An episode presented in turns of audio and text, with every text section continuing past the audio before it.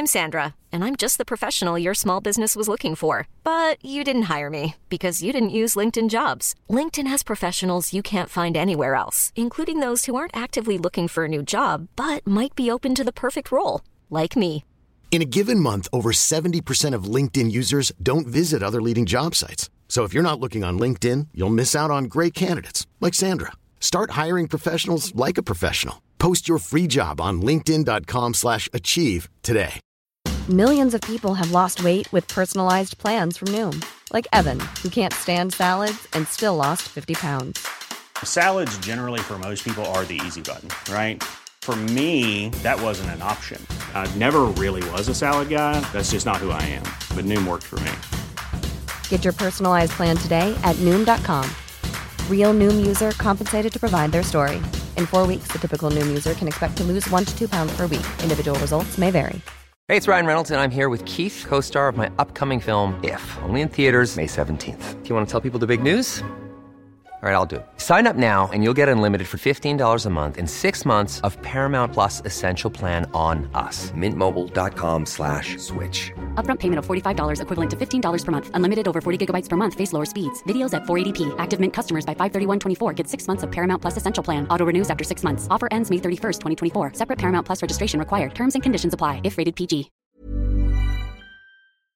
Helt siden de første menneskene slo seg ned i Trøndelag, har det blitt observert underlige lys over Hessdalen.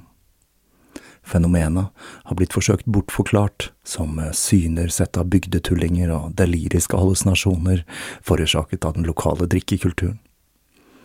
Men det skulle vise seg at fenomenet stakk langt dypere, når Hessdalen-fenomenet fikk verdensomspennende oppmerksomhet i ufo-miljøet på 1980-tallet. Fenomenet er fremdeles der, og det er fremdeles like uforklarlig som den gang.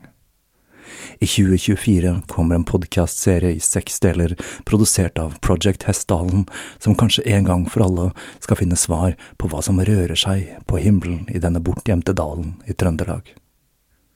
Serien har som seg hør og bør fått tittelen A Blaze in the Northern Sky, og den kommer til din favorittpodkastavspiller i 2024.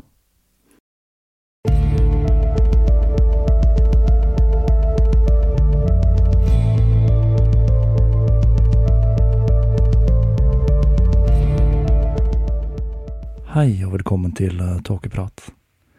Jeg heter Even, og når jeg tar opp denne episode 193, er det torsdag den 9. juni 2022. Da er tiden inne for en litt kortere enkeltstående episode. Og siden det er sommer- og grillsesong, så tenkte jeg at det var på plass med iallfall litt kannibalisme. Den sorte enken er en edderkopp som stammer fra Amerika men den har senere spredd seg til andre deler av verden, og den ble registrert i Norge for første gang i 2015. Den var importert i en bil som kom fra California, akkurat som min ble, og det samme året, så her er det faktisk en mulighet for at det er enda en merkelig hendelse knyttet til denne nye bilen min. Kanskje det er den elektriske utgaven av Christine jeg har gått i anskaffelse av. Hunden er skinnende sort med et rødt timeglassformet merke på buken, og hun er betraktelig giftigere enn sin mannlige motpart. Til tross for rykta og en gift som er 15 ganger sterkere enn klapperslangegift, er det sjeldent at mennesker dør etter å ha blitt bitt av en svart enke, da mengden gift som blir sprøytet inn er heller beskjeden. Men spesielt behagelig er det likevel ikke å bli bitt. Navnet Svart enke henger sammen med paringsritualet til edderkoppen. For hunden, som er betydelig større enn hannen, pleier ofte å spise ham under akten. Eller noen ganger velger hun å fange og ete ham etter den er fullbyrdet. Men det er ikke edderkoppen eller den klassiske Alice Cooper-låta med samme navn denne episoden skal handle om. Denne gangen er det fenomenet som er oppkalt etter edderkoppen som skal under lupen. Det vil si kvinner som dreper sine ekte menn og da gjerne flere menn på rekke og rad. I motsetning til hva jeg pleier å lage, så er ikke denne episoden et dypdykk, men mer en rask kikk på tre ulike saker som alle dreier seg om kvinner som drepte ekte menn. Nå har det seg slik at når det gjelder vold i hjemmet og drap av ektefelle, så står menn for noe sånt som 96% av tilfellene. Så sakene jeg skal se på nå, de er jo litt utenom normalen. Men det er kanskje akkurat det som gjør dem så fascinerende. Der menn ofte bruker rå vold, bruker kvinnene i all hovedsak mer utspekulerte metoder som gift, selv om det selvsagt finnes noen unntak der også noe vi skal se litt på i den siste av de tre sakene i denne episoden. Og så må jeg komme med en liten advarsel. I produksjonen av denne serien så har jeg benyttet meg av barnearbeid. Jeg fikk det nemlig for meg at det hadde vært kult å få en elev ved skolen jeg jobber på, til å tegne illustrasjonen til denne episoden. Så tegningen som illustrerer denne, er tegnet av en jente i sjuende klasse, noe jeg må si ble ganske så tøft. Og da tror jeg vi bare hopper rett i det og starter med den første delen i dette true crime-trekløveret til disse ordene fra Alice Cooper. Our thoughts are hot and crazed, our brains are webbed in haze of mindless, senseless days. The Black Widow.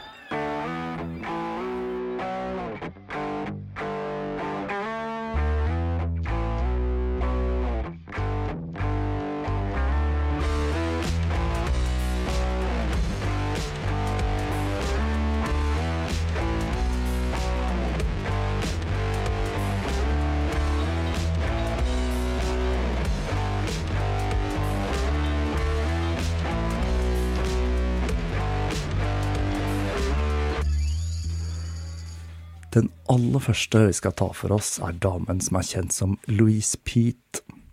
Hun ble født Lofi Louise Preslar i Binville, Louisiana den 20. september 1880. Louise var datteren til en velstående avisredaktør. Hun var privilegert og manglet ingenting i oppveksten. Hun gikk også på de beste privatskolene Louisiana hadde å tilby. Men det er jo ofte sånn at de som vokser opp med puter under armene og sølvskje i munnen, søker spenning andre steder. Louise fant spenning i å stjele, og hun var også svært seksuelt aktiv fra veldig ung alder. Men eh, den skulle få konsekvenser. Når det ble oppdaget at hun hadde stjålet smykker fra klassekameratene, ble hun utvist fra skolen. Men det betød ikke så mye for Louise. Hvem bryr seg, liksom? For hun hadde plenty med penger uansett. Hun levde et liv i sus og dus, og hun bodde en luksustilværelse hjemme hos foreldrene frem til hun var 23. I 1903 møtte hun en mann hun fant spesielt fascinerende, Henry Bosley. Han var selger, men i tillegg så var han også eksotisk som en jazztrommis, noe Louise syntes var spennende, og ikke minst, hun fant det veldig tiltrekkende.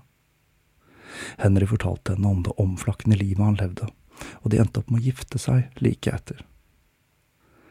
Henry Bosley trodde han hadde giftet seg med ei ung, uskyldig dame, men der tok han feil. Skrekkelig feil. Hun var kanskje ung, men uskyldig, det var ganske langt fra sannheten. Det gikk ikke så veldig lang tid før Louises konstante flørting med andre menn gikk han på nervene, og det ble ikke noe bedre når han oppdaget at hun stjal i tillegg. Det var eh, stjelingen som til slutt førte til at paret ble kjeppjaget ut av Oklahoma. Og da satte de kursen til Waco i Texas, som i dag selvsagt er mest kjent for FBI sin belæring av kulten til David Koresh i 1993, som endte opp med at 82 mennesker mistet livet. Dette er en historie jeg nok kommer til å gå nærmere i sømmene ved en senere anledning, for det er en fascinerende fortelling. Henry fikk seg en ny jobb, og de forsøkte å stable livet på beina igjen. Men en dag, når han kom hjem fra jobb, fant han Louise til sengs med en annen. Det ble litt for mye for Henry, som skjøt seg selv to dager senere. Louise flyttet til Boston, hvor hun utga seg for å være en Anna Lee Gold, en europeisk adelskvinne som slet økonomisk. Hun klarte å skaffe seg en jobb ved et av byens luksusbordeller, hvor hun opparbeidet seg et fast klientell fra overklassen men fristelsen til å stjele, den ble for stor, og når bordellet oppdaget at hun stjal fra kundene, så ble hun raskt kastet på dør. Hun dro vestover og til Dallas, hvor hun møtte oljemagnaten Joe Appel, som var kjent for å vise fram formuen sin i form av diamantringer og diamantbesatte beltespenner. Dette var jo midt i blinken for Louise, som skrudde sjarmen på maks, og det funket. En uke senere ble Joe funnet skutt i hodet, og smykkene han var så kjent for, var sporløst forsvunnet. Louise ble selvsagt arrestert, mistenkt for å stå bak drapet. Men når saken kom opp i retten, fortalte hun gråtkvalt at Joe hadde forsøkt å voldta henne, og at hun hadde skutt ham i selvforsvar. Denne dama, hun hadde sjarm, må vi kunne slå fast, for ikke bare ble hun frifunnet, men hun ble frifunnet til stående applaus fra juryen, uten at noen så ut til å tenke på alle smykkene som hadde forsvunnet. Igjen var livet sus og dus for Louise, men hun brant seg kjapt gjennom pengene, og i 1913 var hun blakk igjen, og hun skrudde igjen på sjarmen sin. Denne gangen var det Harry Farrote, en hotellansatt, som falt for Louise men som Henry før ham skulle han raskt oppdage at det var noen utfordringer med å være gift med denne damen. Hun var utro gang på gang, og til slutt så ble det for mye for den stakkars Harry, som hang seg i kjelleren på hotellet der han jobbet, i 1914. Louise fant ut at tiden var inne for å flytte på seg igjen, så hun satte kursen til Denver, Colorado, hvor hun giftet seg på ny med bilselgeren Richard C. Pete. Hun fødte ham en sønn i 1916, og dette ekteskapet så ut til å være rimelig stabilt. Men Louise begynte å kjede seg, så i 1920 forlot hun mannen og datteren og dro til LA, hvor hun så seg ut Jacob Denton, sjefen i et gruveselskap, som sitt neste offer. Hun skaffet seg jobb som hushjelp i husholdningen hans, og det gikk ikke så lang tid før de to havnet i sengs, hvor Louise skulle ha vært eksepsjonelt dyktig men til tross for at hun tagg og ba om ekteskap, så nektet Denton å fri til hushjelpen. Den 30. mai 1920 forsvant han på mystisk vis, og Louise overtok herskapshuset mens han var borte. Hun hadde flere forklaringer på hvor han hadde blitt av. Blant annet sa hun at han hadde stukket av med en mystisk spansk kvinne, og så fortalte hun at han hadde måttet amputere armen, og at han var så flau over hvordan han så ut at han rett og slett hadde gjemt seg. Hun var kanskje ikke den beste til å dikte historier, hun Louise, men hun hadde jo sjarmen på plass, for hun klarte faktisk å holde dette gående i to måneder, og disse to månedene brukte hun på å holde storslagne fester i huset. Familien var naturlig nok mistenksomme, så de ansatte en advokat, som igjen ansatte en etterforsker. Når han begynte å dukke opp i huset og stilte ubehagelige spørsmål, så skjønte Louise at løpet var kjørt så hun flyktet til Colorado, hvor hun forsøkte å skvære opp med den forsmådde ektemannen, og han tok imot henne med åpne armer. Med Louise ut av veien fikk etterforskeren muligheten til å gjennomsøke huset, og den 23. september 1920 fant han liket til Jacob Denton i kjelleren, bakbundet med en kule i hodet. Det skulle ikke så veldig mye etterforskning til for å komme fram til at det var Louise som sto bak drapet og hun ble utlevert til California, hvor hun ble tiltalt for drap i 1921 og dømt til livstid i fengsel. Richard Pete, den forsmådde ektemannen, nektet å tro at kona var skyldig, og han skrev brev til henne mens hun satt i fengsel. Men da hun sluttet å skrive tilbake, så ble det for mye for ham, og han hang seg, han òg. Ifølge en av fangevokterne ved St. Quentin pleide Louise å skryte av alle mennene som hadde tatt livet av seg på vei hennes vegne. Hun var så attraktiv, pleide hun å fortelle, at selv fengselsmurene ikke klarte å stoppe dem. I 1939, etter å ha sonet 18 år, ble Louise prøveløslatt. Hun fikk seg en kantinejobb og ble venn med en av kollegaene. Denne kvinnelige medarbeideren forsvant plutselig. Louise ble avhørt om denne mystiske forsvinningen, men politifolkene de må ha gjort ganske slett arbeid, for saken den forble uløst. Kanskje hun også hadde amputert en arm og ble flau. Borte var hun nå, i alle fall. I mai 1944 giftet hun seg på ny. Denne gangen med en banksjef, Lee Judson. Louise hadde nå begynt å jobbe for Logan-familien, som pleiehjelp for Arthur Logan. Kona hans, Margaret, forsvant plutselig en dag, men Louise kunne forsikre Arthur om at kona hun hadde det bra, og hun sa at hun bare var på sykehuset og ikke kunne ta imot besøk. I mellomtiden sørget Louise for å få Arthur tvangsinnlagt. Han døde på mentalsykehuset seks måneder senere, og Louise fikk huset til ekteparet, hvor hun flyttet inn med mannen. Men det var et hår i suppa, for grunnen til at Louise hadde fått seg jobb i husholdningen til nettopp Judson-familien, var at Margaret Judson var den som rapporterte til tilsynsføreren til Louise i politiet. Og med henne død, så fikk hun en utfordring. Louise løste dette ved selv å skrive rapportene. Men i desember begynte tilsynsføreren å fatte mistanke, og han sendte en politipatrulje til huset. I hagen fant de liket til Margaret Logan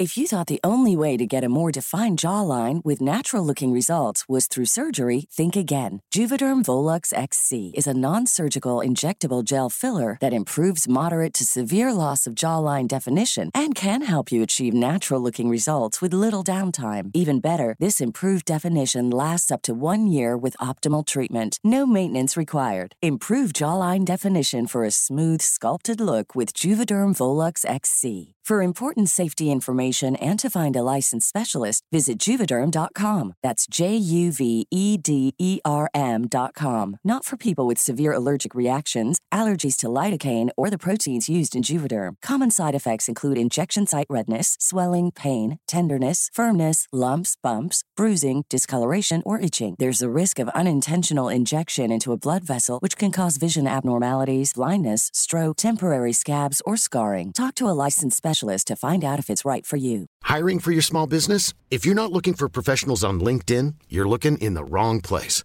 That's like looking for your car keys in a fish tank. LinkedIn helps you hire professionals you can't find anywhere else, even those who aren't actively searching for a new job but might be open to the perfect role. In a given month, over 70% of LinkedIn users don't even visit other leading job sites. So start looking in the right place. With LinkedIn, you can hire professionals like a professional. Post your free job on linkedin.com slash achieve today. Gravet med en kul i ryggen og hodet knust med en stump gjenstand. Louise ble igjen tiltalt for drap, denne gangen sammen med mannen. Han ble senere frikjent, men dagen etter frifinnelsen, den 12. januar 1945, tok han sitt eget liv ved å kaste seg ut av en kontorbygning i LA, og ble med det den fjerde mannen som tok selvmord på hennes vegne. Louise Pete ble dømt til døden og henrettet i gasskammeret i St. Quentin den 11. april 1947.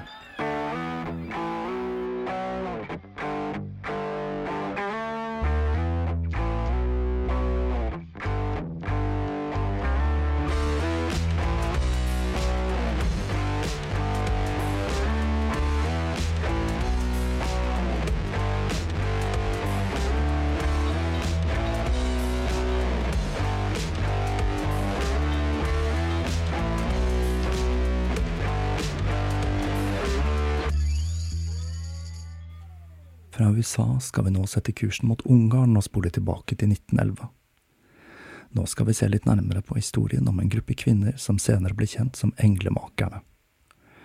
Jeg må si at når jeg leser denne fortellingen, så sitter jeg med en følelse av at her er det mye mer å hente, at historien kanskje har vært et dypdykk ved en senere anledning. Men kortversjonen går slik som det her. I 1911 dukket jordmoren Julia Fasekas opp i landsbyen Nagriev. Hun var gift, men mannen hennes var blitt borte på mystisk vis. Mellom 1911 og 1921 ble hun arrestert hele ti ganger for å ha utført ulovlige aborter, men hun ble frifunnet alle gangene da domstolene støttet abort, selv om dette egentlig var forbudt. På den tiden var det vanlig med tvangsekteskap i Ungarn. Det var foreldrene som vakte ektemenn til døtrene sine, og de hadde ikke muligheten til å si nei. Skilsmisse var ikke akseptert, selv om ektemannen var voldelig eller alkoholisert. Dette var jo tiden da Østerrike-Ungarn-unionen var en stormakt, og når den store krigen brøt ut, måtte alle unge menn som hadde helse til det, dra til fronten. Nagrev ble brukt som en fangeleir da landsbyen lå øde til, og de allierte krigsfangene som ble holdt fanget der, hadde muligheten til å bevege seg forholdsvis fritt rundt i landsbyen, som nå stort sett var bebodd av kvinner. Og det var ikke uvanlig at kvinnene der fant seg en elsker eller to blant de allierte soldatene, mens mennene var ved fronten. Når mannfolka kom tilbake, ville de selvfølgelig ha tilbake damene sine, men det var slett ikke alle kvinnene som syntes dette var ok. De hadde tross alt blitt tvunget inn i ekteskap mange av dem ikke var så rasende fornøyd med i utgangspunktet. Fasekas begynte å lufte ideen om at de kunne kvitte seg med de brysomme ektemennene, og på den måten gå tilbake til tilværelsen de hadde levd i under krigen. Hun visste om en metode, kunne hun fortelle. En metode for å utvinne arsenikk.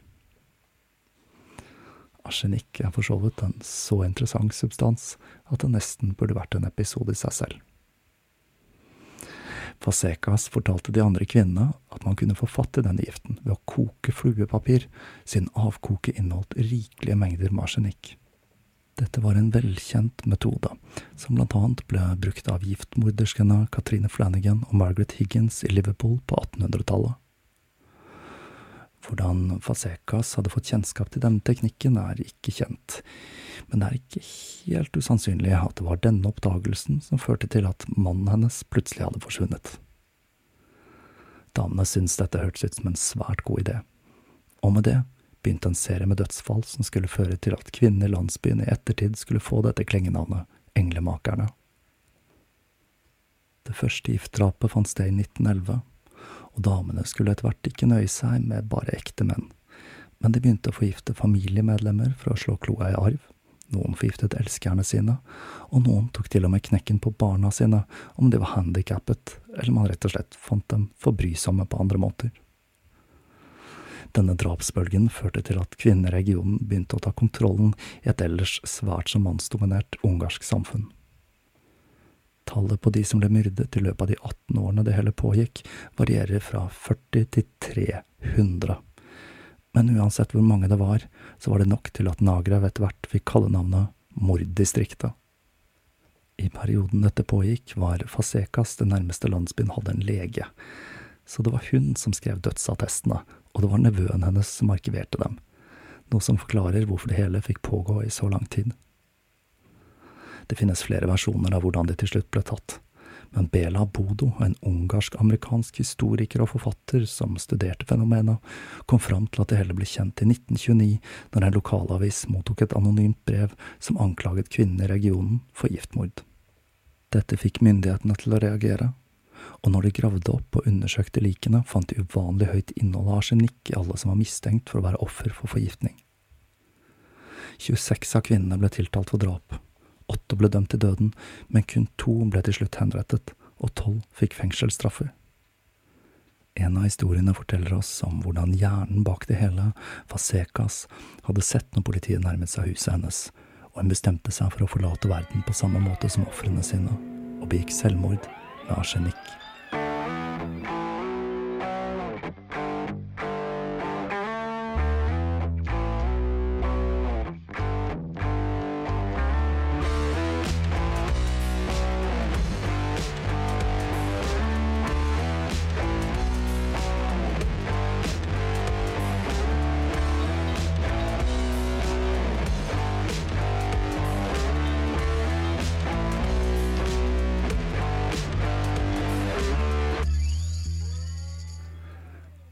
23. oktober 1991 var den pensjonerte piloten William E. Nelson, som gikk under kallenavnet Bill, ute og tok seg en drink i Costa Mesa i Orange County.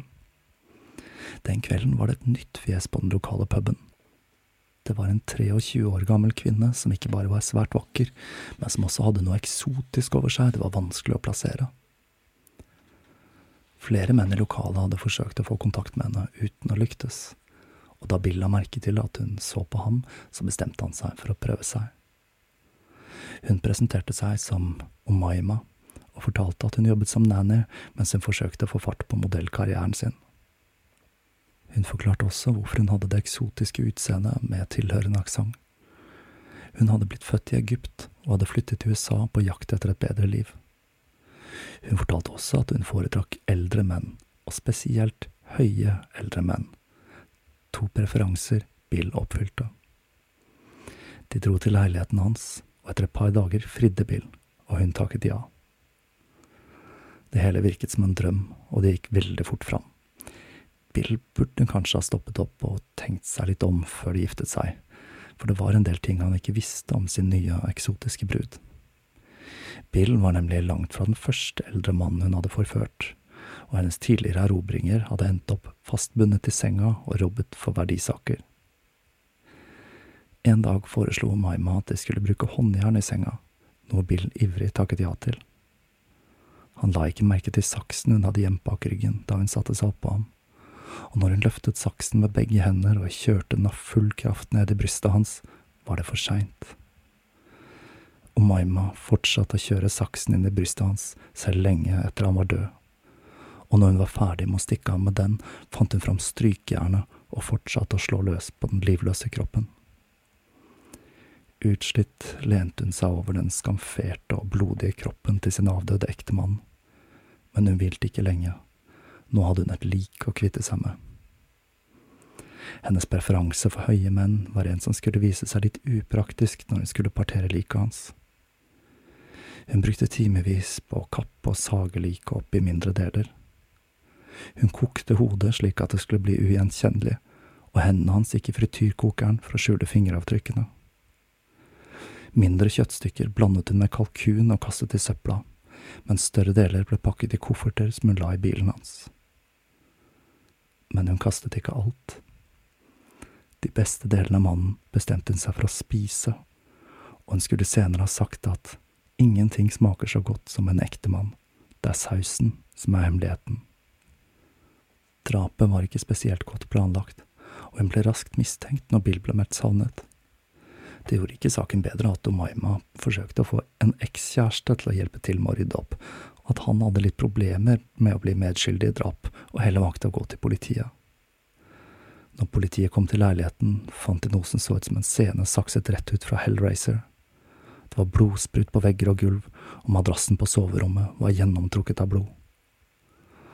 De fant plastikkposer med likdeler, og hendene til Bill lå i frityrkokeren. I kjøleskapet fant de det kokte hodet som kjøttet hadde begynt å falle av skallen på, og i bilen fant de koffertene med likdelene. Når rettsmedisineren veide opp det de hadde funnet av liket, så manglet det 36 kilo av kroppen til Bill, og det er jo ikke en helt ubetydelig mengde. Umayma ble arrestert og tiltalt for drapet. Hun prøvde ikke å nekte for at hun hadde gjort det, men hun sa at hun hadde gjort det i selvforsvar da bilen hadde voldtatt og slått henne ved flere anledninger. Men det forklarte jo ikke helt den ekstreme volden, og ikke minst kannibalismen. Men hun sa at dette var noe hun hadde gjort i en slags transe. Det eneste hun husket, sa hun, var at hun hadde kuttet penisen av ham. Det hjalp ikke noe særlig at hun fortalte rettspsykologen at spareribsene hun hadde laget av ektemannen, var de møreste hun noen gang hadde spist. Umayma ble dømt til 27 år til livstid i fengsel. Hun søkte om prøveløslatelse i 2006, men ble nektet dette da retten fant henne for ustabil og en potensiell trussel for samfunnet. Det samme skjedde i 2011. Den neste mulige prøveløslatelsen er i 2026, for dama, hun lever enda. Hun er bare 54 år i dag.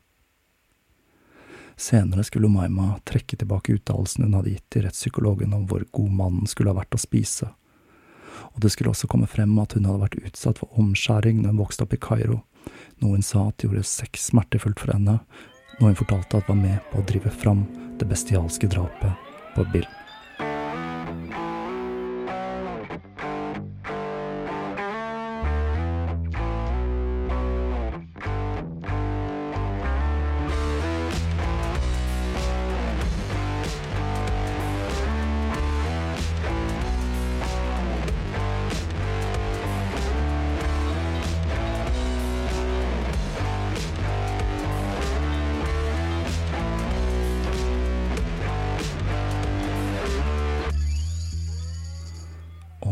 Der setter vi strek for eh, denne episoden. Som jeg sa innledningsvis, så var jo ikke dette et dypdykk, men mer en gjenfortelling av tre saker. Jeg føler meg nemlig ganske sikker på at det kan være mye mer å hente her om man graver litt dypere. Men ikke for det. Jeg har kost meg fælt når jeg har satt sammen denne lille episoden, og nå kjenner jeg at jeg fikk litt blod på tann til å lage enda en episode i denne leia fram mot sommeren. Enn så lenge så vil jeg som vanlig takke alle patrions, alle som har donert, alle som har handlet i nettbutikken, og deg som hører på. Linker finner du i episodenotatene, eller du kan gå rett til tåkeprat.com. Nå nærmer sommerferien seg med stormskritt for min del, Og til tross for at jeg ikke har noen store reiseplaner, så blir det stas med en sommer uten en global pandemi som legger sin klamme hånd over solfylte dager. Vi høres igjen om ikke lenge, med mindre det har gjemt seg ei svart enke i hanskerommet på bilen min.